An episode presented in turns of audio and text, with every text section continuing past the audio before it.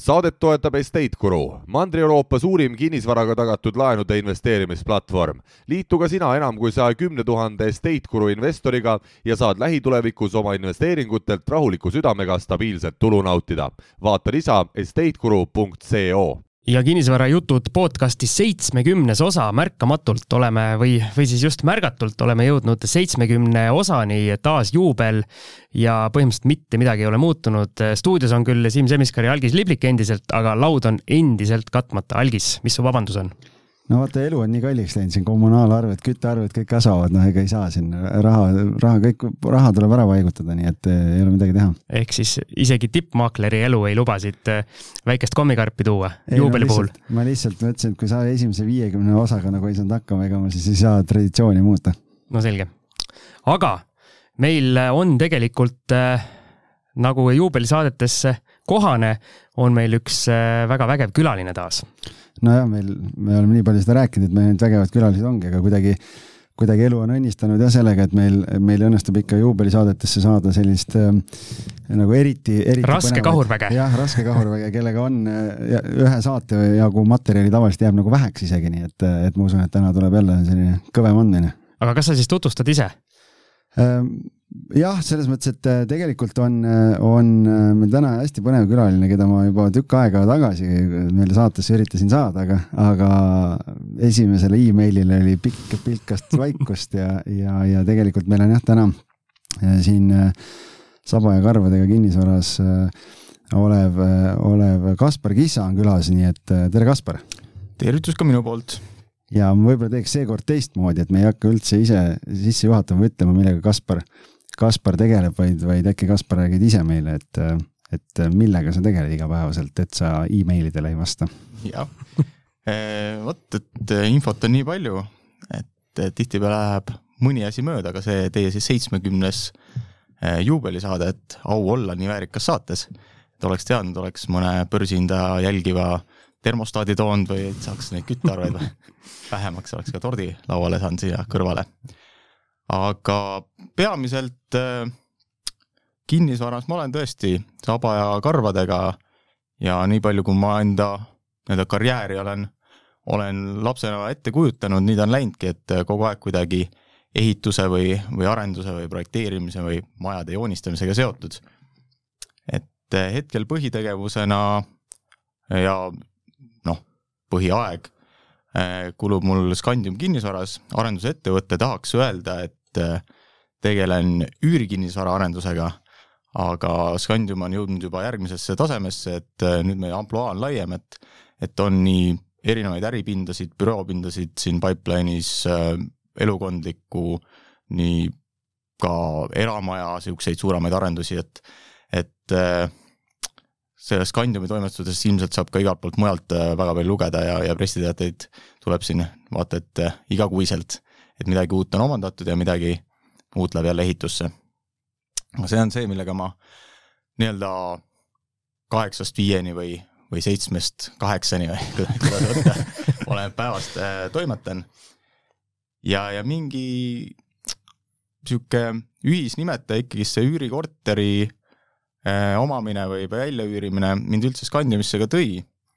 et kui varasemalt olen tegelenud projekteerimisega, projekteerimise projektijuhtimisega ja sealt kõrvalt alati vaadanud selliste investeerimise poole ja noh, milleks investeerida varaklassi, mida hästi ei tunne või aktsiatesse, mille ettevõtted on noh, farmaatsia, et ise nagu ei ole õppinud äh, ei, ei apteekriks ega arstiks, et et siis äh, võib-olla otse kinnisvarasse, millega nagunii näppu pidi kogu aeg Äh, küljes olla. ja, ja sealt, sealt tekkisid esimesed üürikorterid ja samuti ka praegusel siis kolleegil ja toonasel, äh, ta oli mul kursavend Maido Lüistel, olid ka kinnisvara huvid ja üürikorteri huvid ja siis kutsus mind, et kuule, et samad huvid, et ühendame jõud ja, ja teeme Scandiumis nagu suuri asju. et sealt see on tekkinud.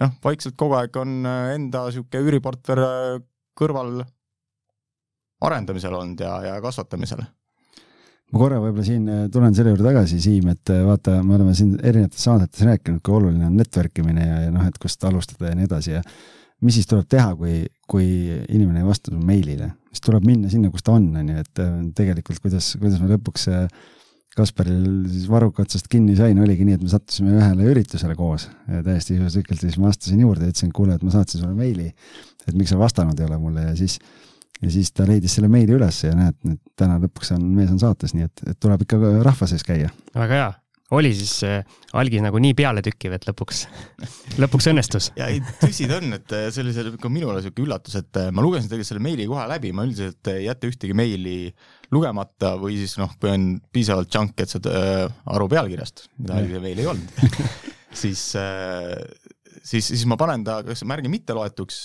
ja panen väikse linnukese, et vastan hiljem aga kuidagi see algise leid ma tegin lahti, see, aa, see on nagu tähtis meil, ma ei saa nagu kiiresti ära vastata, pean nagu vaatama, mis kuupäevad, asjad sobivad. ja, ja kui ta küsis mul sealt, meil oli niisugune väike ühispresentatsioon või noh, ütleme ühid, kus mina presenteerisin enda niisugust äh, äh, karjäärikäiku ja, ja huvitavaid lugusid ja algis, algis Kinnisvararaadio poolt äh,, siis mul nagu poole algise etteaste pealt tuli meelde, et õigus, sellest meilist ta räägib, mul oli nagu pea tühi, mõtlesin, et mees tuleb, küsib, ütleb, et kurat, et näed, et Kaspar on ülbeks läinud, et ma ei vasta isegi meilidele, aga ja siis poole peal klikkis, et muidugi jaa, pidin ju raadiosse esinema minema täiesti nagu tühi auk oli selle koha peal. aga nüüd täna täidame ära selle augu. väga hea aga mina siin haaran äh, su endise või eelmisest äh, sõnasabast kinni, et sa ütlesid, et oled tööde ja tegemiste kõrvalt äh, vaikselt, ma siin rõhutan seda sõna vaikselt, enda üüriportfelli ka kasvatanud, et mul on üks sinu nii-öelda presentatsioon ees ja seal need numbrid, mis seal on, need nii-öelda vaiksest kasvatamisest küll märku ei anna, aga hakkame selles osas vaikselt siis minema algusest peale, et kuidas nii-öelda esimesed objektid sulle enda portfelli üldse sattusid ja kuidas see asi nii-öelda või see lumepall käima läks? jah, nagu ka enne, enne siin saate algust põgusalt öeldud, et et kogu aeg tahaks rääkida sellest, et sihuke ümmarguse numbrid, et noh, seitsekümmend oli teil ja kogu aeg tahaks ka öelda, et noh, et viis aastat tagasi alustasin ja nüüd ma lõin kokku, et noh, tegelikult on seitse aastat tagasi ja kui aastaarve võtta, siis võib-olla isegi kaheksa aastat, aga noh, see oli, see oli selliselt, et äh, täisaastaid tuleks umbes seitse, kui ma jõudsin esimese nagu üürikorterini. et mõtlesin ka, et varem, et ma olen nagu varem investeerimisega tegelenud, et siis päris esimene teadlik nagu investeerimine oli mul äh, ülikooli esimesel aastal, see on siis üks viisteist aastat tagasi või, kaks tuhat seitse aastal. ja, ja siis äh, sealt alustasin sellega, et see oli võimalik võtta õppelaenu. klassikaline raha, kas ta just nagu odav raha on viis protsenti või mitte, et seda on nagu väga palju siin arutatud, et iseenesest riiklikult tagatud laen, et võiks palju väiksema protsendiga olla ja see investeeritakse inimese ju haridusse tulevikku. Kui investeeritakse? kui investeeritakse, jah ja siin, siin oli sama, et minul otseselt nagu õpingute tarvis seda ei olnud, küll aga siis äh, oli Bigbank selline suhteliselt alustav, jõuliselt turule tulev ja, ja tegi enda niisugust kampaaniat, tal oli kaheksa-üheksa protsenti oli lihtsalt tähtajaline hoius. ja ma tegin nagu lihtsa matemaatika, et lahutasin kaheksast protsendist ära viis protsenti, mis mina peaks ära maksma ja enda intressideks, eh, siis sain, et kolm protsenti on seal nagu vaba raha ja siis tegingi enda esimese nii-öelda investeeringu, ehk siis võtsin õppelaenu, mis see maksimummäär tollane oli, et äkki viisteist tuhat krooni, et kuskilt circa tuhat eurot tundub hetkel nagu marginaalne summa, toona isegi täiesti arvestatav. ja, ja panin selle Bigbanka tähtajalisele hoiusele, mingi hetk siis korjasin see kolm protsenti sealt vahelt ära ja, ja sain tasuta vihmavarju ka siiamaani toimib raha on ammu laiaks löödud, aga vihmavari toimib siiamaani. no näed mina mäletan seda õppelaenu aega, see viisteist tuhat vist oligi, me oleme siis vist enam-vähem ühe generatsiooni mehed, mina võtsin ka ühe aasta, ma võtsin õppelaenu, kuna mul ka otseselt seda õpinguteks vaja ei läinud, mina nii head investeeringut ei teinud. aga mina ostsin endale arvuti selle eest, ma mäletan. No iseenesest paigutus seegi, et. no IT-mehest minust ei saanud, nii et investeering see ikkagi lõpuks ei olnud. vähemalt sai ma ei tea, kas toona Youtube oli, aga Youtube sai läbi vaadata. ma ei tea, kas internet oli üldse? Orkutis oli jah. internet vist oli ikka jah. aga võib-olla jah, tagasi nüüd äh, tegelikult küsimusele, et mitte mis oli mu esimene investeering, vaid mis oli esimene üüriinvesteering või, või, või kinnisvara investeering. siis äh, jah, see oli circa seitse aastat tagasi. Äh, ja kuidas ma jõudsin selleni, oligi see, et et ma olin tugevalt ikkagist, ma olin üliõpilane, tegelesin veel projekteerimisega ja üks vana klassivend, toona kursavend juba, kutsus, et kuule, et muidu Tartu poiss, et tule Tallinnasse, et sul pidi kevad nagu vabam olema, ma tulin just vahetusüliõpilaselt äh, Hispaaniast tagasi, olngi, et aineid väga midagi teha ei olnud, et et äh, TTÜ-s sai võtta nii Tartus kui Tallinnas aineid, ma võtan siis Tallinnast. kui vähegi midagi võtta on, saan samalt kõrvalt erialast tööd teha. ja, ja jõudsin siia ja panin enda nii-öelda koolikoti ja, ja magamiskoti sõbra vabasse tuppa maha ja mõtlesin, et noh, teen nüüd esimese nädala ära ja samal ajal hakkan lüürikorterit otsima, et kaua ma seal sõbra, sõbra kõrval taas ikka olen. noh, sellest, sellest tuli päris pikk nii-öelda kooselu et üürikorteri otsimisest leidsin väga hea korteri enda jaoks, et äh, toona oli siis äh, Nordecan betoon, praegune Nobe äh,, Siikupilli keskuse lähedal on neil kontor, lähedal oli ka korter müügile, müügile anda. Ja tunduski, et see osta korter ja maksta siis pangalaenu on tunduvalt too, too hetk nagu poole väiksem summa, kui, kui maksta üüri samasuguse korteri eest. noh, suurusjärgud olid sellised, et äh, üür kahetoaline oli nelisada, nelisada viiskümmend eurot ja laenumakse sealt tagasi oleks olnud niisugune kakssada, kakssada kolmkümmend eurot, ütles, et kas nii lihtne matemaatika vahe ongi, noh, sissemaks sissemaksuks, sisse maksta sai ainult kümme protsenti ja KredEx käendab ja ja, ja, ja tunduski, et noh, et mis ma siis ikka hakkan üürima, et pigem hakkan kohe ostuga tegelema, et ostan ära ja elan seal rahulikult ja, ja asukoht ja, ja korter ja ja, ja ikka ei kuidagi kuklasse kummitama see, et aga tõesti, see on kahekordne vahe on nagu laenumaksel ja üürimaksel, et et aga miks mitte siis osta ja välja üürida, et siis on see nagu plusspoole peal. ja, ja nii ta tegelikult läkski ja, ja kuna ma seal sõbra juures äh, kükitasin resideerisin, sõber ütles ka, et jaa, ei no sa võid ju pikemaks jääda ja et äh, sõber Anton Õnnik, tervitan siitpoolt. Et äh, temaga siis arutasime neid asju ja, ütlesime, et noh, teeme selle esimese ära, et noh, küll me siis otsime mulle järgmise korterit, kui see nii, nii hea korter on. ja, ja sealt see pall tegelikult veerema hakkas, esimene korter, ei tea, juhuse tahtel või, või kuidagi oli seotud, et äh, seda müüs Peeter Pärtel, et äh, see oli tema üks üürikorteritest, juba toona ta ennustas järjekordset maailma lõppu, turgude kukkumist ja noh, sellest ongi kuidagi tulnud niisugune umbes linnalegend, et äh, kui Peeter Pärtel müüb ja, ja ennustab krahhi, siis, siis on õige aeg osta tervitame Peetrit siin. et kui, kui seda ostu ei oleks teinud, et võimalik, et ei, ei oleks äh, üldse kinnisvaraga nii tihedalt seotud või üürikinnisvaraga, kui ma praegust oleks, võib-olla siiamaani projekteeriks neid maju, kuhu teised elama lähevad. Aga toona jah, see kujunes selliseks, et äh, meil oli hästi kiire, kiire nii-öelda äh, ost, sisustus praktiliselt oli seal kõik olemas ja väljaüürimine, ehk siis notar oli, oli neljapäeval, reedel tegime veel väikese siukse soolaleiva kutsusime sõbrad, näete, et oh, sihuke esimene ostja. ja, ja laupäeval, varasemalt panime üürikuulutuse üles ja laupäeval oli sihuke pool päeva erinevatele inimestele näitamist. laupäeva õhtuks oli üürileping sõlmitud ehk siis vakantsuse jätsime hästi minimaalseks. ja see oli siis minu esimene kinnisvaratehing ja, ja sealt nagu läks hammas verele ja saigi hakata vaatama turu pealt, et mida veel huvitavat on, kas saab veel selliseid äh, huvitavaid äh, üüriobjekte endale soetada ja noh, endiselt oli niisugune kodu ostmine ikka just meeles, et, et äh, kaua seal madratsi peal kõrval taas olla?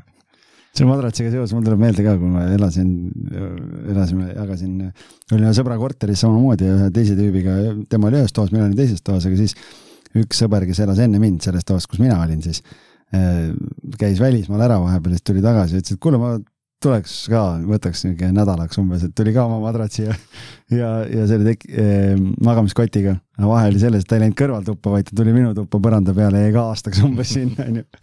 et sarnane lugu natuke, jah aga kas äh, su see sõber, kes su enda, enda juures majutada võttis, kas tema ei vaadanud sellise pilguga, et sina saad seal elada ja siis paned oma nii-öelda tulevasele jõukusele aluse ja siis tema on, kuidas ma ütlen siis, saab selle võõrustaja rõõmu? eks seal tekkis tegelikult äh, mitte parasitism, vaid sümbioos, et olite kasulikud? me hakkasime neid asju koos tegema, jah. et koha, kohalikke elamiskulusid me jagasime ja, ja neid äh, investeerimisobjekte me hakkasime siis äh, lõbusalt äh, koos sisse ostma, sest tõesti, et kui, kui ta ei ole nagu põhitegevus ja kui ta on nagu kõrvalt, siis teda on nii-öelda kellegi sõpradega koos palju, palju lõbusam teha ja, ja noh, see ilmselt kellele kuidas, et sobib, mõned tahavad siuksed ainult ise teen, ise otsustan, aga minu arust sellise, kui see ei ole ikka päris põhitöö, siis üksi tehes oleks see lisakohustus, koos tehes on see pigem niisugune privileeg aga esimene või see esimese objekti ostmine on nüüd räägitud, aga tuleme korra tänapäeva, et kui palju üürnikke või objekte või mis iganes numbritega sa ise opereerid, et kui, kui palju sul neid on, et äh, räägime selle hetkeseisu ka ära ja siis äh, lähme võtame selle vahepealse siilu ette, et kuidas sa nii kaugele jõudsid. Ja need numbrid natuke kõikunud, et mul ongi eelmise aasta lõpu seisuga, noh, siin on paar kuud, äh, on võib-olla natukene muutunud, ei jõudnud neid ka üle täpsustada aga siin on mõned asjad, eelmine aasta oli selline äh, erinevate objektide müügi-ostuaasta ka, et et kui oli võimalus äh, hea rahaga müüa, siis, siis tihtipeale see müük tuli ära teha, isegi kui, kui võib-olla hinges tahtsid, tahtsid hoida. aga Excel ütles, et müü. aga praegust on, peaks olema selliselt, et noh, ma loen kokku äh, üürnikke, sest tihtipeale äh, mõned üüripinnad on äh, ühised pinnad, aga üürnike seal pindadel, kas on siis äripind, äh, elamispind on rohkem, siis üürnike eelmise aasta seisu kokku, ma vaatan, siin oli seitsekümmend üheksa, praegust on võib-olla neid viis tükki rohkem, viis tükki vähem, oleneb ka päevaseisust. ja, ja ütleme, selliseid on hold asju on veel, on kolm kontoripinda, neli elupinda ja kaks suuremat korterit on ka, mis noh, mis peaks nüüd varsti saama selliseks, et äh, lähevad ka üüri. on hold tähendab, et on siis protsess pooleli ja remont või, või midagi? jah, see tegelikult ütleme jah, on hold on võib-olla vale sõna, et äh, tõesti, et ta on.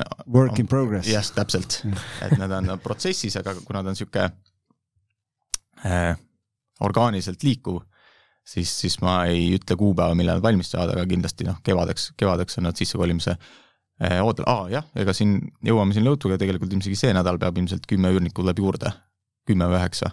aasta lõpuks kipub juba seier saja lähedale. no see maagiline ümmargune sada võiks ikka ära tulla, jah.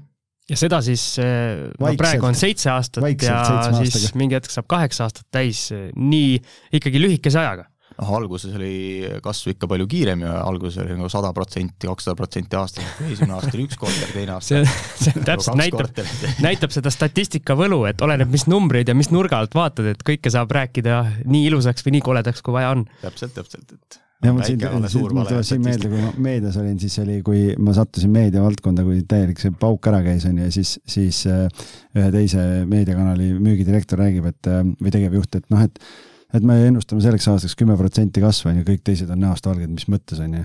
noh, et kui sa kukud saja miljoni pealt kolmekümne peale, siis sealt kolmekümne kolme peale ei ole väga raske kasvada. just, just, just.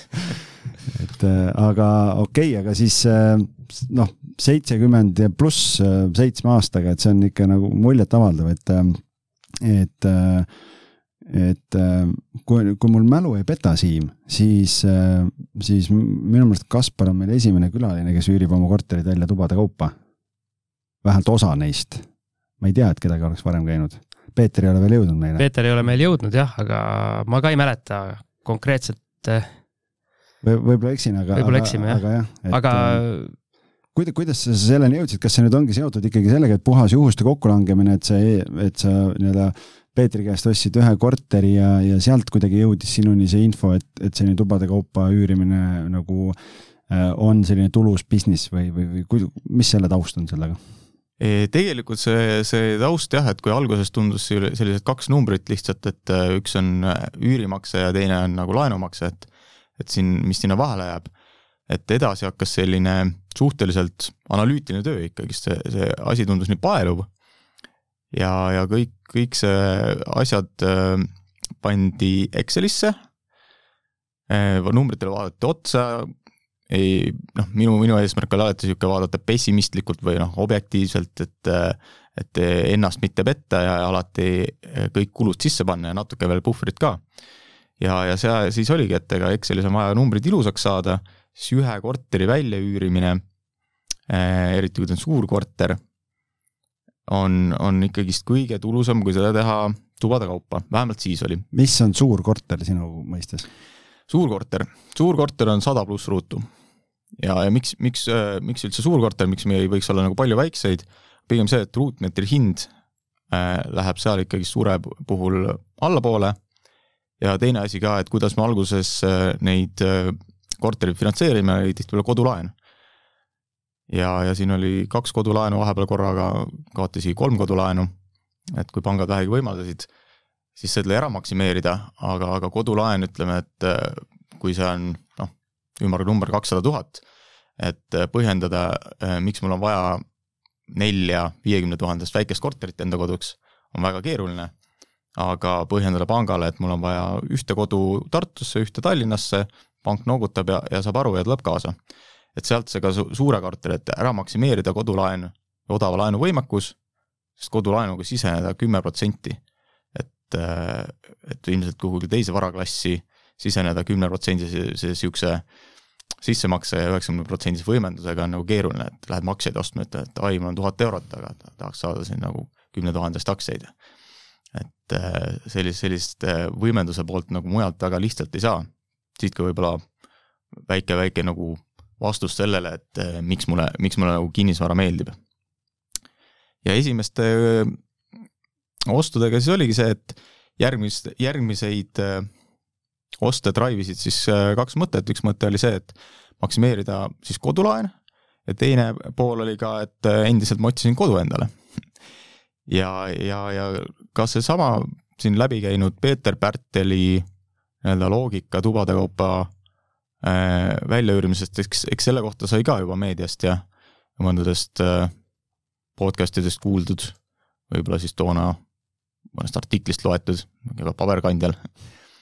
et, et see tundus lihtsalt arvuliselt kõige mõistlikum.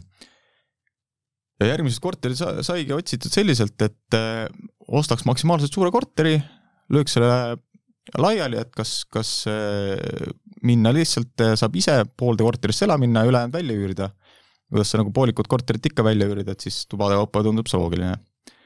Ja, ja tegelikult ikkagist äh, turul leidus üsna vahvaid kortereid, vahvaid siis selles mõttes, et äh, suur üks korteremont, panga jaoks väga hea, saad endale kodu osta, aga reaalsuses korter läbi kahe korruse, äh, kaks sissepääsu trepikojast, sees on nagu veel eraldi oma trepikoda, et tundub nagu ideaalne, et lõhume sisemise trepikoja välja, ülemisele korrusele lähen ise elama, sajast ruudust, niisugune viiekümne ruudune korter, esimeseks korteriks päris okei okay., ja alumise korteri siis miks nagu kahetoalisena välja üürida, kui selle niisugune üüritootlus võiks olla seal nelisada, nelisada viiskümmend eurot kuus, kui teha kolm väikest tuba, kakssada viiskümmend eurot tuba ja seitsesada viiskümmend eurot äh, kuus ja tunduski, et et Excel jälle toimib ja ja selline korter sai, sai leitud, et üks, ta oli, ta päris teine korter ei olnud, aga see oli üks kolmas-neljas korter, mis portfelli potsatas, siiamaani on alles, ka esimene korter on siiamaani alles, juhuse õhtel. ja, ja, ja oli asukoha mõttes väga heas asukohas, kinnisvara klassikalised kolm reeglit ostmisel, mida tuleb vaadata, asukoht, asukoht, asukoht, et Tallinna bussijaamast diagonaalis üle tee et sinna, kui, kui muud Tallinnast, Tallinnasse tulnud inimene ei tea, siis, siis bussijaam ikka teab, et millega siia pead esimest korda saabuma. bussijaam või Balti jaam. just. ja, ja seal oligi korter läbi kahe korruse, ideaalne võimalus. mingi puumaja või? ei, kivimaja. et niisugune ilus terrassiitkrohviga maja ja, ja parkla tasuta keset linna. siiamaani hoian autot seal, väga mugav on kui mu hetkel elu on jagatud ka Tallinna-Tartu vahet, siis, siis auto hoida seal parklas, ise hopsti bussijaama, bussi peal saab tööd teha, kui tööd ei jõua teha, siis saab kas või filmi vaadata. aga see aeg ei, ei pea mööduma võib-olla see tõenäoliselt niisuguse libeda ilmaga kuskil äh, Tallinn-Tartu maantee heal juhul kui tee peal, halval juhul kuskil tee kõrval. ja tagasi tulla nüüd selle kinnisvara juurde, et äh, mõeldud-tehtud, Excelis saab alati kulud, kulusid jagada ja, ja sai äh, siis võetud, et äh, teeme jälle sõbraga kahe peale, teeme korra, korraliku renoveerimise ja küll ma enda, enda korteri poole kulud katan ise ja Jüri korter läheb pooleks. aga sellisest noh, just välja kolitud korterist, väiksest remondist sai ikkagist kapitaalremont. ja, ja need äh, remondikulud läksid nii suureks, et äh, kuidagi oli vaja nad tagasi saada, ehk siis äh, mõte oli ikka selle, selle, et mis seal ikka, paneme nagu mõlemad korrused ikka üürile ja, ja nüüd sai, sai või noh, toona sai sellest siis kuue toaga kahel korrusel üürikorter tubade kaupa. aga sedasama skeemi nagu ma olen nagu varem ka soovitanud, et eelmine aasta vaatasin, üle-eelmine aasta oli isegi paar ettekannet, et äh, kuidas on võimalik nagu ennast ühe tehinguga rahast vabaks saada, et saad endale elamise, saad endale üürnikud, äh, kes maksavad su elamise kinni, siis eelmise aasta lõpu ettekandes ma vaatasin, et kinnisvara hinnad on nagu nii eest ära läinud ja üürid pole mitte kuidagi järgi tulnud sellele, et see valem enam ei toimi et enne sai rahaliselt vabaks, nüüd saaks rahast vabaks? Äh, umbes täpselt nii, jah. et äh, täiesti muidugi nulli sa ei jookse, sest kinnisvara jääb alles. aga võib-olla räägime selle loogika ära tegelikult, et, et äh, saaks aru, et noh, mis, mis see loogika sul oli, et kuidas ühe tehinguga finantsiliselt vabaks saada, sest tegelikult päris põnev, et, et ega see turg võib-olla alatiseks ju selliseks ei jää nagu praegu ja ja, ja võib-olla keegi saab tulevikus sedasama mudelit enda jaoks kasutada. jaa, et kui jõudagi siis sellesama korteri näitel, mis ma enam-vähem lahti rääkisin, tema loogika, et see oleks see, et kui võtta seal ütleme, maksimaalselt keskmise palgaga eh, võetav kodulaen, siis sellise, veel paar aastat tagasi, sellise suurema korteri saab eh, ära ostetud, seal poolest sees saab elada, ta on nagu täiesti individuaalne korter, kui, kui seal on ka eraldi sissepääs, ja, ja kui seal kuumakse tuleb seal viis-kuussada eurot ja üüritubadest saada seitsesada viiskümmend eurot, siis juba katab äh, kuumakse ära üüritulu, kulud, mis ta on, mitte üüritulud, vaid äh, pangalaenu, pangalaenu ja jääb äh, veidi ka üle. ja neid skeeme nagu selles mõttes võib loksuda ka teisipidi, et kui anda seesama korter ka täies mahus välja ja teenida sealt circa tuhat viissada eurot üüritulu kuus, siis noh, viiesaja euro eest saab ikka mingisuguse korteri endale elamiseks üürida ja siis on ju tervelt tuhat eurot, millega äh, kuu läbi vedada. jah, selles mõttes tegelikult on äh, suure korteri võlud jah, et äh, tubade kaupa lihtsalt see ühiku hind on kõrgem. aga minul nii-öelda kohe tekib siia küsimus, et mismoodi see erineb, see tubade kaupa väljaandmine, mismoodi erineb see tavalise korteri väljaandmisest, sest kas see üürniku profiil, kes selliseid asju otsib, on kuidagi teistmoodi, kas sa pead kuidagi üürnikule teistmoodi seda reklaamima, et on seal mingeid nii-öelda eripärasid? Nüansse on muidugi kõvasti, et jah, üürniku profiil on kindlasti erinev, et ka hästi palju on vakantsust, sest väga paljud üürnikud võtavad seda lühemaks perioodiks, et ongi esimene korter, kui tulla Tallinnasse, esimene korter, kui tulla, või noh, korter, elamiskoht, kui tulla Tartusse. Ja äh, me oleme üritanud ikkagist äh, ise selle loogikaga minna, et me ei tee nagu seda kõige odavamat otsa, ehk siis see üürnik, kes tuleb, on ikkagist kvaliteetne, et mitte ei tule üürnik, kes tahab kõige odavamat elamispinda saada, vaid kes tahab ilusat, puhast, head kohta, aga mõistliku hinna eest. Ja mis nüüd veel nagu minu jaoks on fenomen, et äh, seitse aastat tagasi, nagu siin mainisin, oli võimalik äh, see kakssada viiskümmend eurot äh, ühe üüritoa eest ilusti kätte saada. aga nüüd see viimased aastad, kui piirid on kinni olnud, siis on üsna palju see üürniku profiili muutnud, ehk siis väga palju oli meil välisüliõpilasi. ja, ja, ja ma arvan, et isegi üle viiekümne protsendi ja see nõudlus selliste korterite vastu oli tunduvalt suurem ja see hoidis hinda kõrgel. Et ühelt poolt on praegust on läinud eest ära kinnisvara hind, teiselt poolt on alla langenud äh, üürihinnad. ehk siis äh, hetkel sellise üüritoa eest kakssada eurot on juba hästi. et äh, eks ta millalgi jõuab jälle sinna kahesaja viiekümne euro juurde tagasi ja kohati ta mõne toa puhul ka on jõudnud, aga endiselt on ütleme, seda skeemi kasutades äh, äh, nii-öelda ratsarikkaks äh, mina ei näe, et oleks võimalik saada ma just vaatasin siin paar päeva tagasi, sattusin peale, et kuna ma olen ise ka tubadepõhise äriga kokku puutunud, kuigi ma kinnisvarasse tulin ja, ja One Home'i läksin, siis siis meil oli Tallinnas oli vist kümme pluss korterit sinna viieteist kanti ja ma nüüd vaatasin, et kõik need korterid on müüki pandud. et äh, terve see portfell on saadaval, et äh, üksikuna noh, eraldi müüakse kõiki. et, äh, et päris huvitav oli neid hindasid vaadata, et tead, millega kunagi ostetud sai ja, ja palju renoveeriti ja, ja millega täna müüakse, et siis siis jah, praegu ma just tahtsingi sinu käest küsida siin Siimu küsimuse jätkuks, ma ise mõtlesin siia sõites, et kuna nende portfell on ka müügis, et mis seal sektoris üldse toimub praegu, aga sa vastasid juba sellele küsimusele ära, et, et kuna tudengeid, välistudengeid praegu vähem ja et siis, siis tõenäoliselt on, on nagu muutunud, nii et, et, et ei ole nii atraktiivne enam kui, kui vanasti.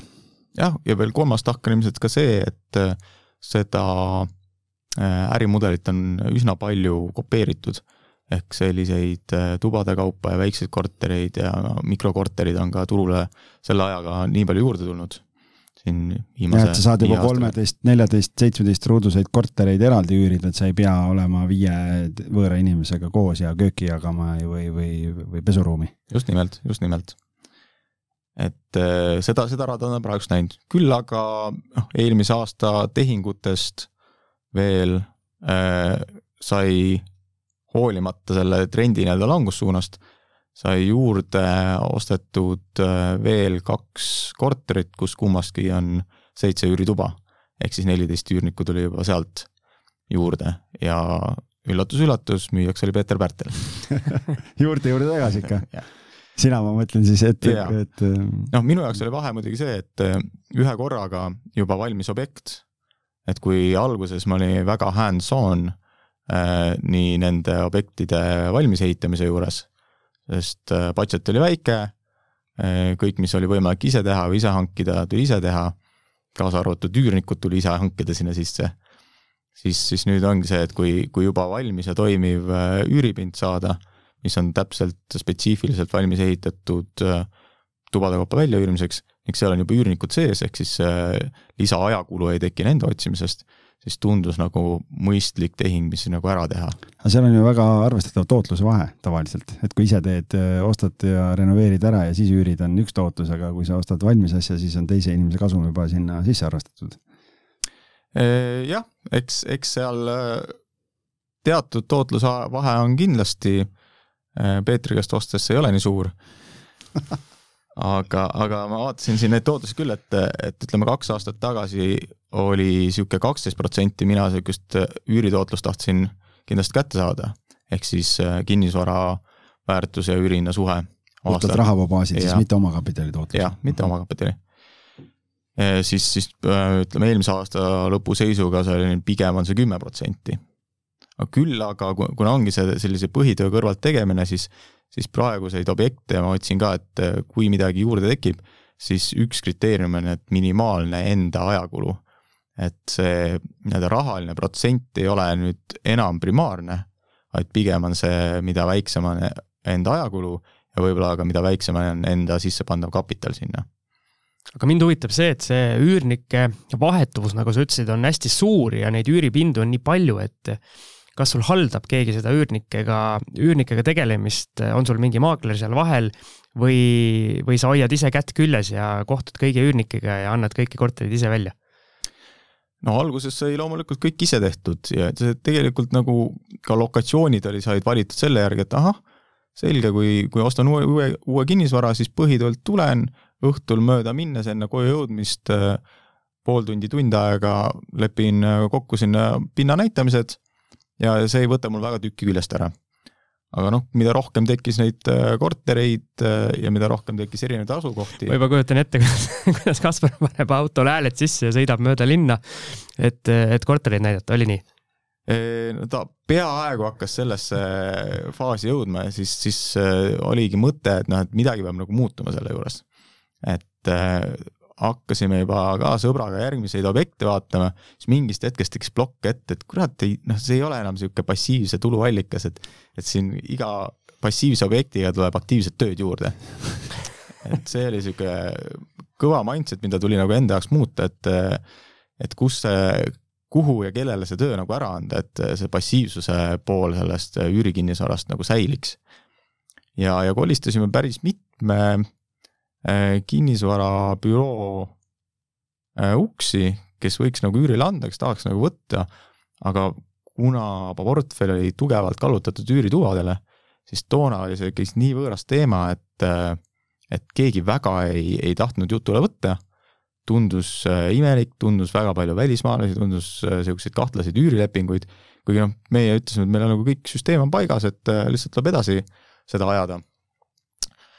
et saime küll või no mina sain ühe niisuguse oma objektiga sain toonase My Home'iga jutule ja nad äh, enam-vähem said nagu sellest süsteemist aru, aga vaatasime, et ikka, et me pigem nagu piiname neid, et ei ole, ei ole meil nagu nägu naerul ja, ja nemad ka siuksed, et noh, et see on nagu võõras asi ja ja jälle, jälle üürnik vahetub, et kuidas me teeme. et kuna sellist head äh, toodet turul ei olnud, kes siis haldaks äh, nii üüritube kui võib-olla kirjutportfellit, et mõned on ka ikkagist pikaajalised üürnikud, et äh, mingeid kolmetoalisi korterid on olnud, kus ma kolm-neli aastat ei, ei olnud käinud ja, ja, ja ta läks müüki ka niimoodi, et ma sinna rohkem ei, ei sattunudki.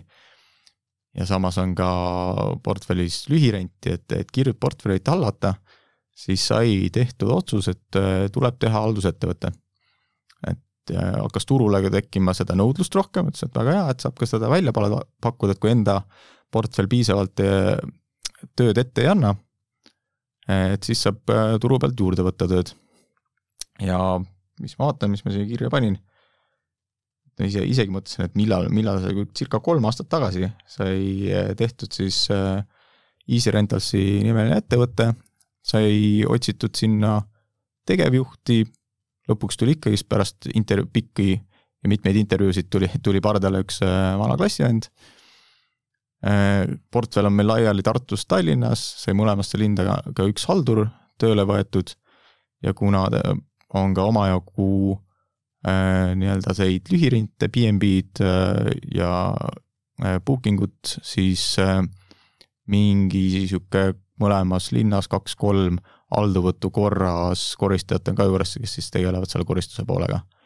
ja tegelikult sellise üürikinnisvara äh, võtmes äh, kui viiekümnest äh, pinnast ja kui need on eriti veel niisugused väiksed pinnad või rohkema üürniku vahetusega pinnad, edasi vaadates, siis äh, see halduse pealevõtmine on ainuõige otsus, et et äh, mida ja mis, mis ma teeks üldse kogu enda teekonnal teisiti, siis oleks see, et ma oleks halduskeha teinud hulka varem.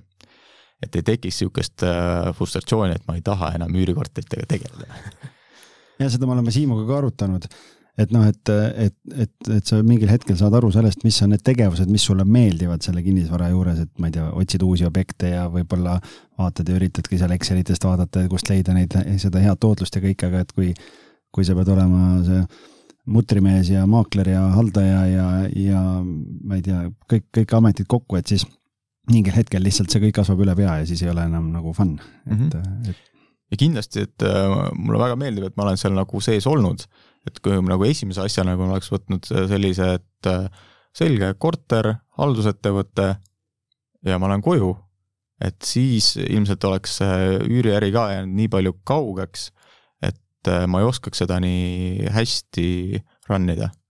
et mingil määral need mingid etapid läbi teha on hästi silmi avardav ja põnev küll aga äh, ei tasu sellesse kinni jääda. aga siinkohal äh, meil on juba peaaegu nelikümmend minutit vastu läinud, et äh, teeme ühe lühikese pausi ja oleme pärast kõlli tagasi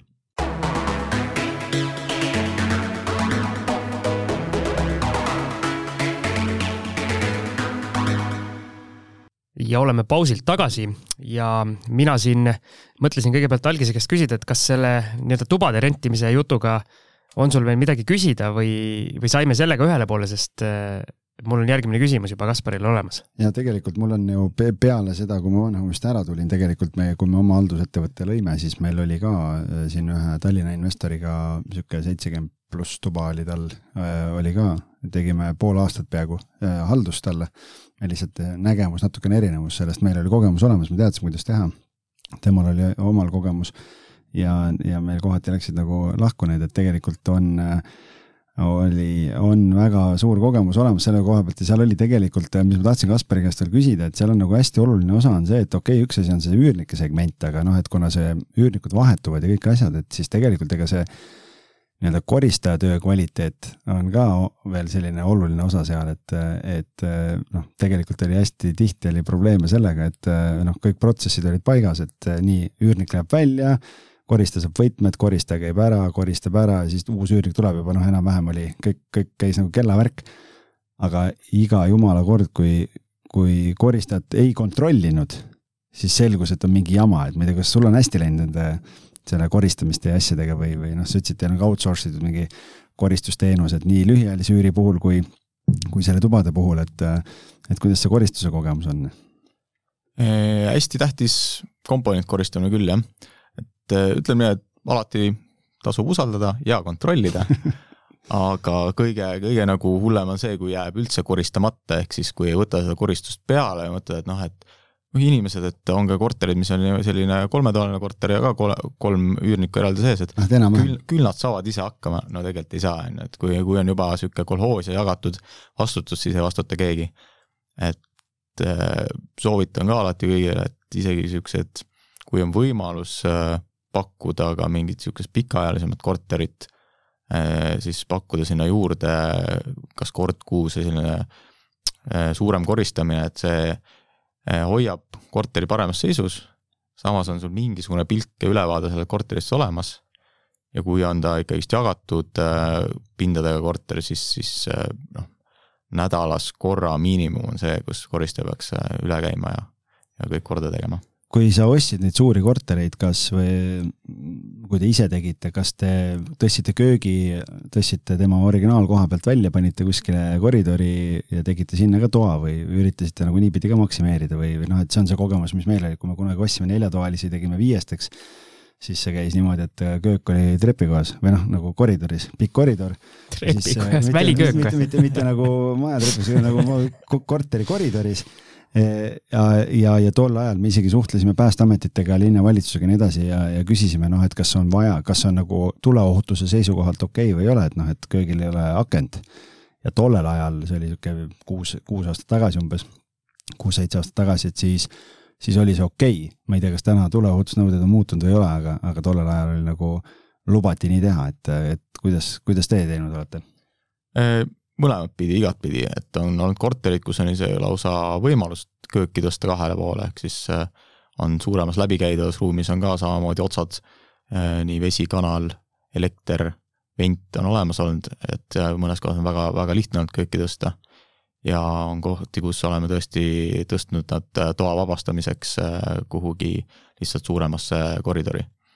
et maksimeerimine on ka üks selle võtmesõna, et tihtipeale see Äh, mõnus tuluallikas tekibki sellest ühest lisatoast, et, et muidu kui jookseb nulli, siis noh, raamatupidamislikult äh, kui sul on ära makstud äh, laenu põhiosa, siis, siis kasum on ikka olemas, aga aga kui sul lõpuks nagu kuu lõpus kontol raha ei ole, siis, siis sellest kasumist nagu arveid ei maksa, et mis, mis raamatupidaja sulle ette kirjutab et eh, jah, selles mõttes maksimeerida tasub nagu igasugust pinda, et kõik see läbimõtlemine, see on nagu sellest äh, ikka pool, pool sellest tööst ja pool, pool tulemust annab see, et kui see pind on nagu hästi üürnikule ette valmistatud. noh, samamoodi, et eh, me oleme väga pikk, pikalt kinni jäänud sellisesse tubade üürimisse, aga kui, kui võtta nagu lühirenti, siis see on ka, et, et see lühirendi pind on hoopis teise spetsiifikaga ja seal on hästi oluline selline Äh, koristamiskiirus, äh, minimaalsed äh, keerulised pinnad, mida koristada, et et seal ka kogu see sisustus on jälle hoopis teise niisuguse võtmega valitud. aga räägime sellest lühiajalisest üürist siis, et kuidas sa sinna sattusid ja, ja kui kaua sa oled olnud nüüd seal turul? no circa viis aastat, ehk siis paar aastat hiljem, kui, kui said esimesed korterid, niisugused väikekorterid ostetud, aga nad, nad olid äripinnad ametlikult ja, ja selleks, et seadusandlusest tulenevalt viisakalt saaks käibemaksu tagasi küsida, peaks seal ka käibemaksuga üüri tegema, ehk siis majutust pakkuma, üheksa protsendi käibemaks. siis oligi see, et noh, et proovime seda, proovime seda lühirenti, kolm korterit sai soetatud äh, Scandium kinnisvara poolt arendatud, ehk siis ise olin arendusega seotud ja jäin ka sinna hiljem äh, selliseks korteriomanikuks Laki tänavale, Laki kakskümmend neli. ja, ja, ja praegust äh, siiamaani toimivad nad lühirendina, et tundus, et see business täitsa endale üllatavalt äh, toimib äh, mitte ainult kuskil vanalinnas, vaid ka Mustamäel. ja vaatasin siin äh, jaanuari-veebruari graafikut, siis Mustamäe on tihemini kaetud kui, kui kesklinna korterid. ehk kui vanalinnas midagi ei toimu, üritusi ei ole, kõik on kinni, siis Mustamäe kandis on ülikool, on töökohad, on spetsialistid, kes peavad tulema kas tea, nädalaks, kaheks, et seal see Äh, lühirent äh, toimib endiselt ja väga hästi. Super, ma tahtsingi just küsida seda, et tegelikult mina olen alati rääkinud noh, investoritele ja kui mingeid koolitusi teinud ja asju, et noh, et Tallinnas see kuldne ring nii-öelda, et Tallinn, noh, südalinn ja, ja, ja selle ümbrus vana linn ja edasi, et et sealt, sealt kaugemale minnes noh, nii-öelda ise tehes on võimalik teenida, aga et kui võtta haldusteenus, kes outsource ida, et siis, siis väga, väga palju nagu ei teeni, aga, aga hästi huvitav, et sa selle välja tõid, et Mustamäel ja et läheb nagu hästi, et et kumba siis rohkem on, et kas, kas need ongi siis välismaalt tulevad mingid IT-spetsialistid või, või kes see peamine klient on ja, ja noh, lihtsalt nii-öelda kirvemeetodil võib-olla öeldes, et kui laavamajas on väikesed korterid, et mis see ühe öö hind on seal siis Mustamäel umbes?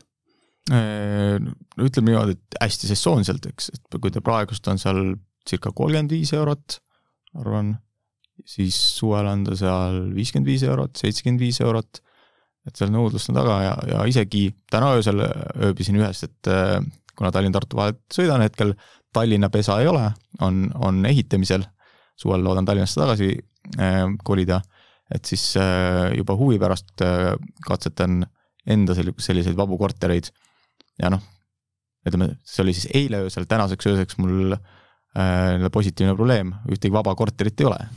Ei teagi, kuhu veel täna lähen siin Tallinnas. sinna sõbra juurde tagasi madratsi peale. ring saab täis.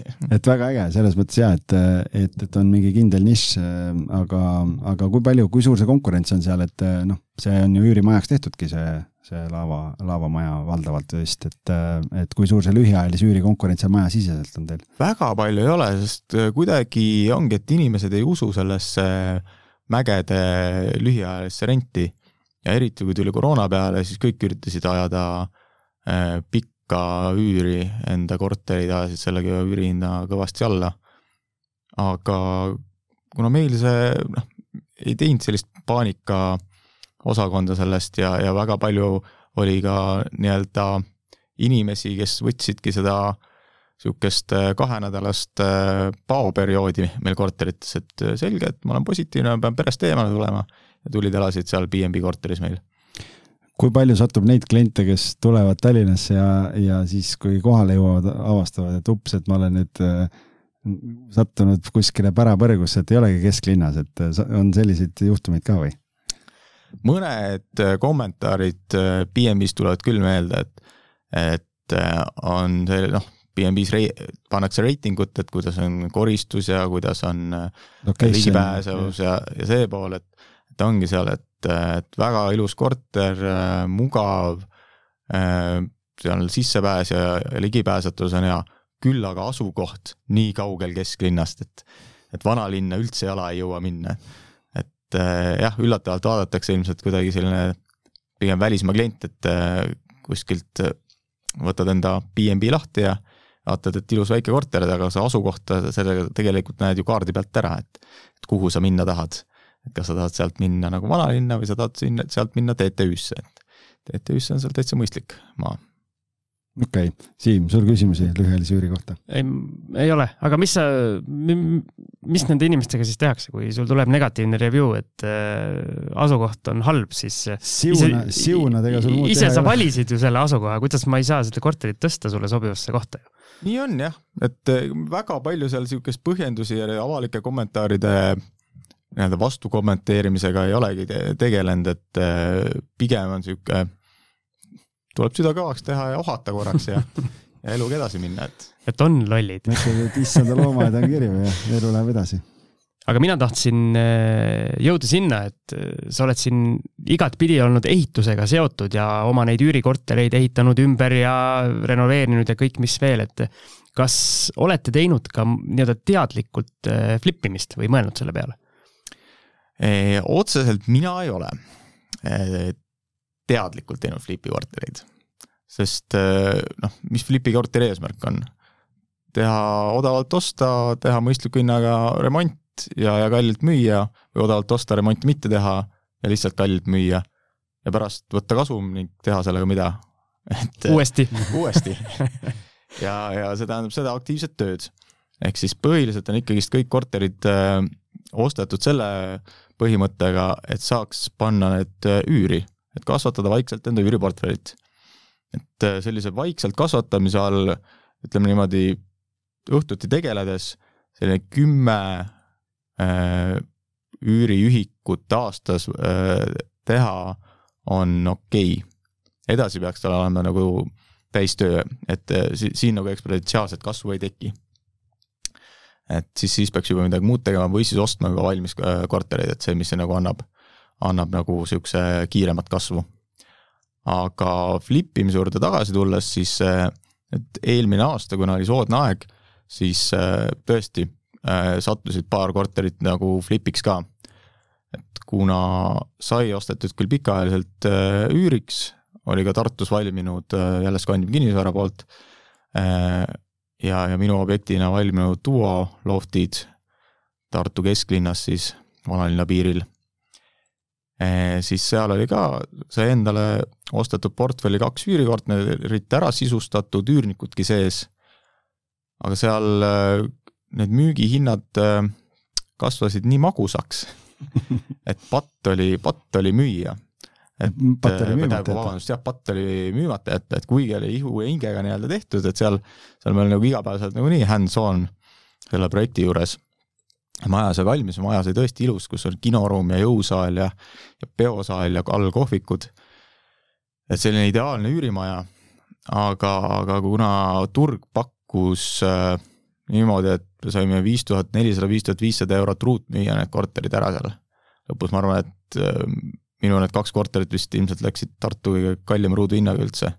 et siis noh, tuli nad ära müüa, et vabastada kapitali, et et üht, ükski hindamisakt seal ka nagu välja otseselt ei andnud seda, aga ostjad olid sellised, kes tulid, tahtsid sellesse majja kindlasti saada korterit ja kuna väga pakkumist enam ei olnud ja maja oli tühjaks müüdud ja, ja nemad eelistasid ka juba üürnikega korterit, siis äh, tuli see raha vastu võtta raske südamega. raske südamega võtsid vastu, see on ikka suur probleem ikka tegelikult noh, et kui inimesed tahavad raha anda ja noh, kuidas sa jätad võtmata siis, peab võtma ju aga mis sa teed selle rahaga? no tuleb Pärtlilt osta, korterid osta suunasid kohe Tallinna kinnisvara nii ta läks jah. okei okay., et kohe, kohe paigutasid ümber, et aga, aga me oleme rääkinud tubadepõhisest üürimisest, lühiajalisest üürimisest, et ja, ja noh, need on mõlemad sellised suhteliselt väikesed objektid, aga, aga mis sul seal portfellis veel äh, leiab?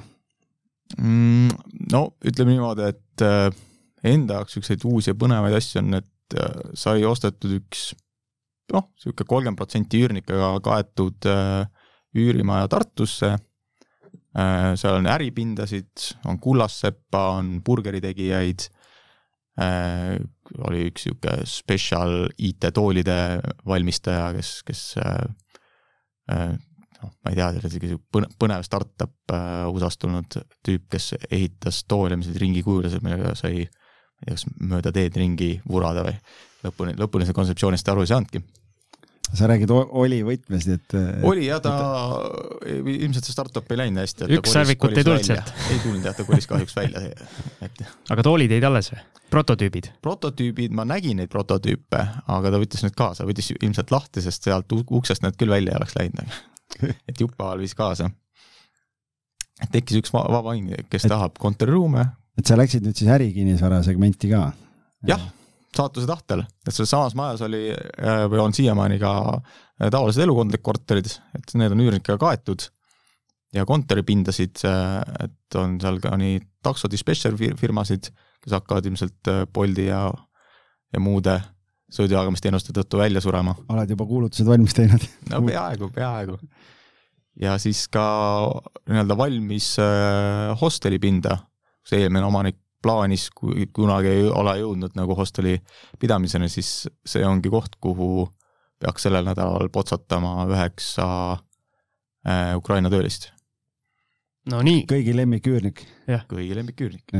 on siis lemmik, nii-öelda lemmiküürnik? no ta veel ei tea, tal tulevad alles. jah, kui, kui deposiit äh, ära laekub kontole ja, ja nad äh, siin neljapäev-reede sisse kolivad, siis täiesti võiks olla. leping läks siis äh, firmale, kes jah nad toob? leping läks, mis ta on siis, töövahetus või töölähetus, töövahendus. vahendusettevõtte kaudu ja ja, ja loodame, et tuleb pikk koostöö, et täiesti otsitakse ja, ja ei ole nagu äh, üldse kahju pakkuda neile seda võimalust.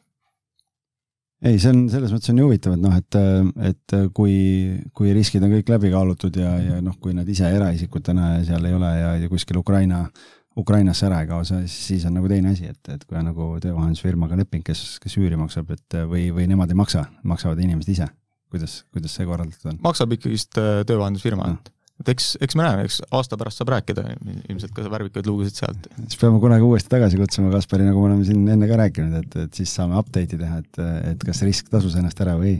siis tuleb juba intervjuu ukraina keeles. aga räägi eh, oma sellest eh, üsna rikkalikust kogemusest, et on sul mingeid huvitavaid lugusid, kas siis üürnikega või ostuprotsessist, eh, kus sa ei ole Peeter Pärteli käest ostnud, vaid mõne teise inimese käest ostnud, et on, on midagi sellist värvikat juhtunud või vaatamas käimistest või midagi sellist?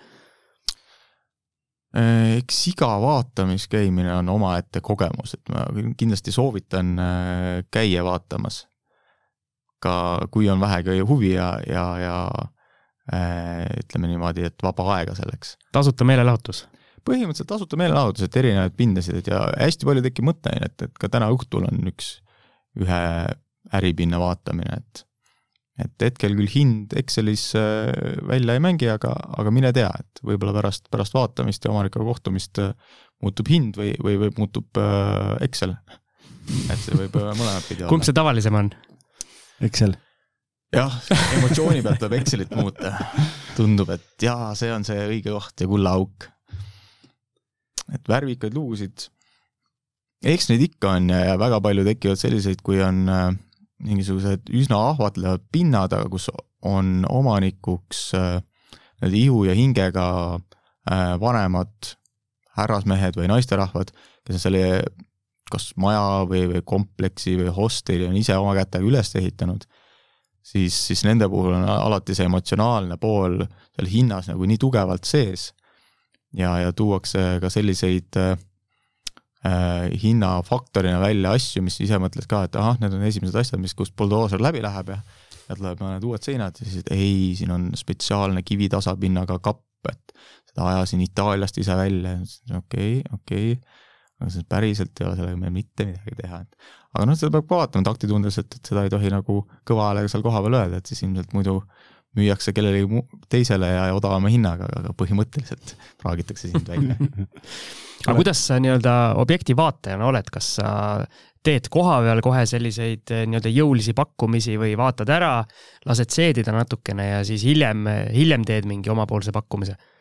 ma üldiselt ikkagi sein, sest äh, see esmapilt annab hästi palju niisugust mõtteainet juurde, nagu on, et korraks Excel üle vaadata, võib-olla kokku koguda need äh, hinna alla kü- küsimise kohad, et jah, tore oli, isegi kui objekt väga meeldib, siis kes tuleb alla küsida nende negatiivsete poolte pealt, et katus ju teil tegelikult vajab kohe vahetamist ja seinad teil sooja ei pea ja ega teil üürnikke siia nagunii rohkem juurde ei tule, et et aga neid tuleb ka serveerida selliselt, aga muidu on hea objekt. muidu olete väga ilusa asja valmis teinud, aga. Aga. Kuule, aga see presentatsioon, mis meil on äh, Siimuga siin, millel on hästi põnev pealkiri ka, et seal on, sul märksõnadena on siin mõni lõbus lugu üürnikest ja siis siin on huvitavad märksõnad, ma loen need ette. võib-olla sul tuleb mõni, mõni lugu nendega meelde, et sul on siin võlgnikud, vandalism, afäärid, laibad ja kingitused, et mis lugu nende laipadega on? laipadega ütleme nii rõõmus lugu ei ole, kuidas laipade saabki rõõmus lugu olla või lõbus lugu olla. et tegelikult kuskil viis aastat sai selliselt tegeletud, et, et kui tuttavad, kes, kes ka kinnisvaraga on tegelenud võib-olla kauem kui mina, said ikkagist mõne, mõne niisuguse äh, nukra loo rääkida, et kus üürnikud ära kadusid selle tõttu, et äh, enam ukse, ust ei avatud ja, ja paar kuud oli, oli üürnik seal sees äh, nii-öelda enda viimseid nädalaid veetnud juba. Äh, või mõnda, mõnda narkomaani, kes, kes äh, oli sama, samas seisus kuhugi ära koolnud, siis, siis mina sain viie, viie, esimese viie aastaga öelda, et, et mul on kõik head üürnikud olnud, et nad on äh, nii-öelda enda jalal ära läinud küll aga, aga circa jah, siin kaks aastat tagasi siis esimene üürnik oli see, kes lihtsalt hommikul koju ei tulnud noor mees, et, et satub ka selliseid äh, asju sisse, et eks see, eks see on ikka selline sensitiivne teema, kuidas neid asju siis tuleb hiljem nende sugulastele üle anda ja, ja viisakalt seda üürilepingut lõpetada.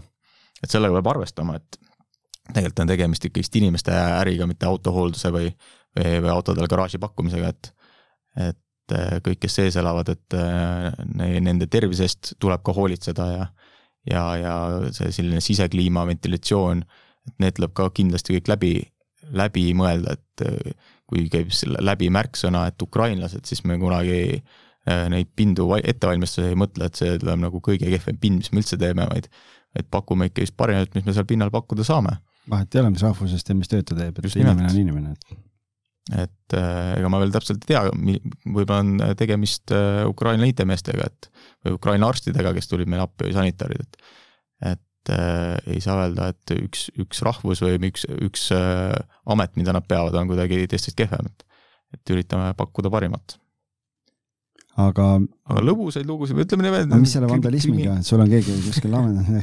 eh, eks neid pidusid on ikka mõnikord olnud nendes korterites, eh, eriti lühirendi omades ja, ja, ja mõned on sellised olnud lõbusamad, et lihtsalt on serpentiini täis ja niisuguseid torbikukuulsaid mütse hommikul hästi palju ja ja aga on ka sellised, kus tuleb äh, uusi toole ja laudu otsida. et õnneks, õnneks nagu pärast haldusettevõtte peale, pealevõtmist olen näinud neid äh, peamiselt läbi Facebookis saadetud piltide ja, ja kui läbi BNB teha seda, siis BNB-l on päris head kindlustused peal, siis suurem osa kahjusid on ka sealtkaudu kätte saadud. et ei ole selline maailma lõpp, kui, kui mõni aken katki on, et siis tuleb pildid teha, pakkumised võtta, saata BNB-le ja ja kas maksab kinni siis kahju tekitaja või maksab BNB enda fondist selle kinni, et see on nagu asi, mis mina soovitan küll, et enda hingerahu mõttes ei ole mõtet, et ah, jätan selle BNB vahelt, vahelt ära, et võtavad sealt kümme-viisteist protsenti vahelt, et see on ju puhas minu raha, et noh, tegelikult nad ikkagist pakuvad lisaks sellele tohutule turundusele, pakuvad ka sellist äh, hingerahu ja kindlustust juurde, mis tihtipeale ära unustatakse. olen nõus, sellega olen täitsa, täitsa nõus, et aga sul on ju noh, ikkagi väga suur portfell juba täna, kui sa ise oled nagu teist meelt, et et kas selle seitsme aasta jooksul oled sa mõne puuküürniku otsa ka sattunud? Puuküürnike vältimisest võiks rääkida, et noh, tähtis on kiire tegutsemine ja, ja ei tohi jätta ühtegi äh, võlga üles. ehk siis äh, kui keegi jääb enda maksetähtajaga hiljaks, tuleb kohe sel-, välja selgitada, kas ta unustas, kas tal on ajutine makseraskus või on see tema loomulik käitumine. ja, ja kui ise olla aktiivne, see ja algusaastatel, kui ise sai tegeletud ja ukse taga käidud, siis, siis nii mõnigi üürnik sai nii-öelda pehmelt välja tõstetud. et äh, noh, selliseid üks, ei tea, siukseid nukraid, värvikaid juhtumeid äh, oli, oli täpselt selline, et üürnikule tuleb teha taustakontroll, kahetoalisse korterisse tuli pere, kes tuli soovituse pealt, sest eelmised üürnikud, see oli väga head üürnikud olnud, ütles, et nad lähevad varem ära, aga noh, et äh, ärge meile seal niisugust lepingutrahvi tehke, et kohe tulevad uued üürnikud peale noor pere, mõlemad töötavad, väike laps, äh, saime kokku, kõik tundus nagu sujuvat, äh, kuni esimese vist isegi üürimakste, makse, nii et, et deposit maksti ära, üürimakse tuli väga nii-öelda raskelt ja teist üürimakset me vist ei saanudki lõpuks kätte. tuligi, tuligi kohe nagu helistada, ahah, ei ole kodus, lubati ära kanda, siis lubati sulas anda, siis tuli helistada ukse tagant ja küsida, kas endiselt ei ole kodus, tuli üldiselt vastus, et endiselt ei ole kodus, natuke oodata, kuni mitte kodus äh, olev isik tuli ukse peale suitsule, siis uuesti küsida, et, et noh, et kui te nüüd juba välja üksiti lähed, et äkki võtad siis pangaautomaadist kuskilt raha või? Ja kui tõesti ei saa maksta nagu mingid muud keerulised ajad, et et kui te just vanemate juurest nagu välja kolisite, siis võib-olla kolite vanemate juurde tagasi ja on nagu lihtsam. ja, ja nad jah, nad ei jõudnud lõpukski seda teisest kuust nagu kaugemale, et esimene, esimese kuu olid ära ja teisel kuul, kui me vastu võtsime, siis tuli kerge remont selles korteris teha. et et Siim, sul on sarnane mul on lugu? täpselt samasugune lugu, samamoodi noor paar lapsega ja ma mõtlesin, et aga mina olin siis toona üürniku rollis sellest ei ole veel rääkinud veel. ei ole selle, need jätame äh, sada seitsekümmend saatesse näiteks. Ei, aga mul samamoodi, mul äh, see noorpaar suutis olla kolm kuud ja pidi ka ikkagi päris korraliku renoveerimise tegema korteris pärast, et, et täitsa huvitav. ja inimesed on erinevad. jah et oleme saanud tagasi kortereid, kus on paremas äh, seisus kui enne või? tehtud äh, päris korralik remont, niisugune uus mööbel sisse, ütleme, et kui varem oli niisugune üheksakümnendate aastate korter, siis tagasi saime juba kahe tuhandete aastate korteri, et et ühe aastaga nagu kümme aastat edasi. Korter arenes vahel muutus ajamasinaks, jah see on ju, see on ju positiivne. aga me peame vaikselt hakkama lõpetama, sest kõvasti üle tunni aja juba oleme teinud.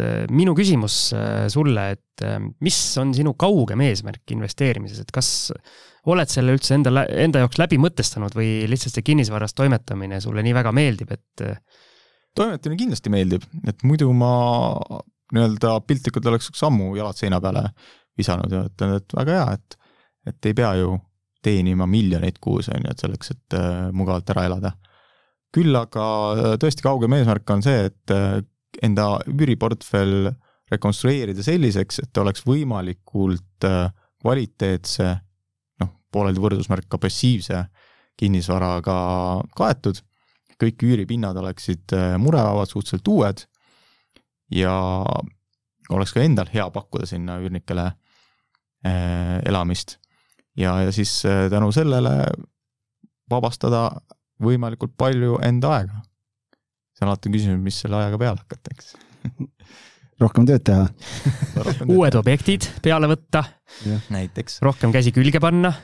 ei no eks seal on, et äh, mingid hobid on äh, ikka tekkinud ja olemas ja nendega võib-olla tahaks nagu tera rohkem tegeleda, kui praegust jõuab. kui, kui sa nüüd mõtled äh, inimeste peale, kes võtavad hoogu, et teha oma esimesi samme, et ähm, mis sa neile soovitad, kas praegu on hea aeg? Äh, alati on hea aeg, alati oli, kõige parem aeg oli eile. Äh, hea aeg on täna ja, ja edasilükkamisele, et küll neid erinevaid konverentse on nähtud, kus inimesed käivad, võtavad teadmisi, võtavad kontakte, aga enda esimese ostu või kinnisvarani või üldse investeerimiseni nagu ei jõuagi, et noh, aga see on ilmselt nende hobi, et selle, seda ei saa kunagi ka pahaks panna. Nende õpi on, nende hobi on õppimine siis? jah, just nimelt et äh, akadeemikud, et kõige targemad, aga tihtipeale ei, ei rakenda oma teadmisi reaalelus. aga äh, mis, mis nurga alt alustada, siis, siis ongi, et siin see viimased äh, aasta-poolteist on nii palju kor-, korrektuure te, teinud, et et kui oligi varasemalt juba räägitud, et aasta-kaks tagasi ma võisin anda tugevaid soovitusi, nii-öelda üheksakümmend protsenti paikapidavaid ärimudeleid siis hetkel on see, et neid maasikaid ja asju tuleb otsida ja neil väikselt alustada on isegi keeruline. pigem siis panna üks-kaks sõpra kokku ja, ja, ja kahe-kolmekesi mõni suurem asi juba ette võtta, et siis see mastaabiefekt on see, mis, mis äh, tagaks nagu üürikinnisvaral äh, edu ja, ja, ja kindlasti see endapoolne väärindamine, kui, kui vähegi on, on kinnisvaraalaseid teadmisi, siis äh, selles pundis võiks olla vähemalt üks inimene, kes on äh, ehituse või kinnisvaraga varem kokku puutunud. super luks. väga hea, ma arvan, siit on sellega on hea lõpetada. et, äh, et siis kõik akadeemikud, võtke ennast kokku ja, ja alustagem investeerimist. jah, kui neid on palju, siis, siis pangegi niisugune hea akadeemiline tiim kokku. Või siis see üks kinnisvara taustaga inimene, minge ja koguge need akadeemikud kokku ja, ja. hakake tegutsema aga väga äge, igal juhul suur tänu, Kaspar, et sa said, said tulla ja ma ütlen, et äh, kell läheb mühinal, et, et siin oleks teise saate jagu võinud veel igasugust olukordadest ja, ja kaevata rohkem süvitsi sinna portfelli ja nii edasi, aga aga, aga ma arvan, et jah, tõmbame siinkohal joone alla ja, ja Siim, aitäh sulle ka. Aitäh! oli põnev. oleme juba seitsmekümne aasta, seitsmekümne osalised, et ja. Äh, number kasvab. tänud kutsumast! ja, ja siis, kui Kasparil kunagi on vaikselt toimetades siin kolme aasta pärast kakssada ühikut käes, siis kutsume ta tagasi ja, ja räägime jälle sellest vaiksest teekonnast. aga kokku lepitud. väga hea, super, juba üks, üks tulevikusaade on kokku lepitud, algis niimoodi tööd teebki. just, aga olgu, side lõpp. hea küll, tšau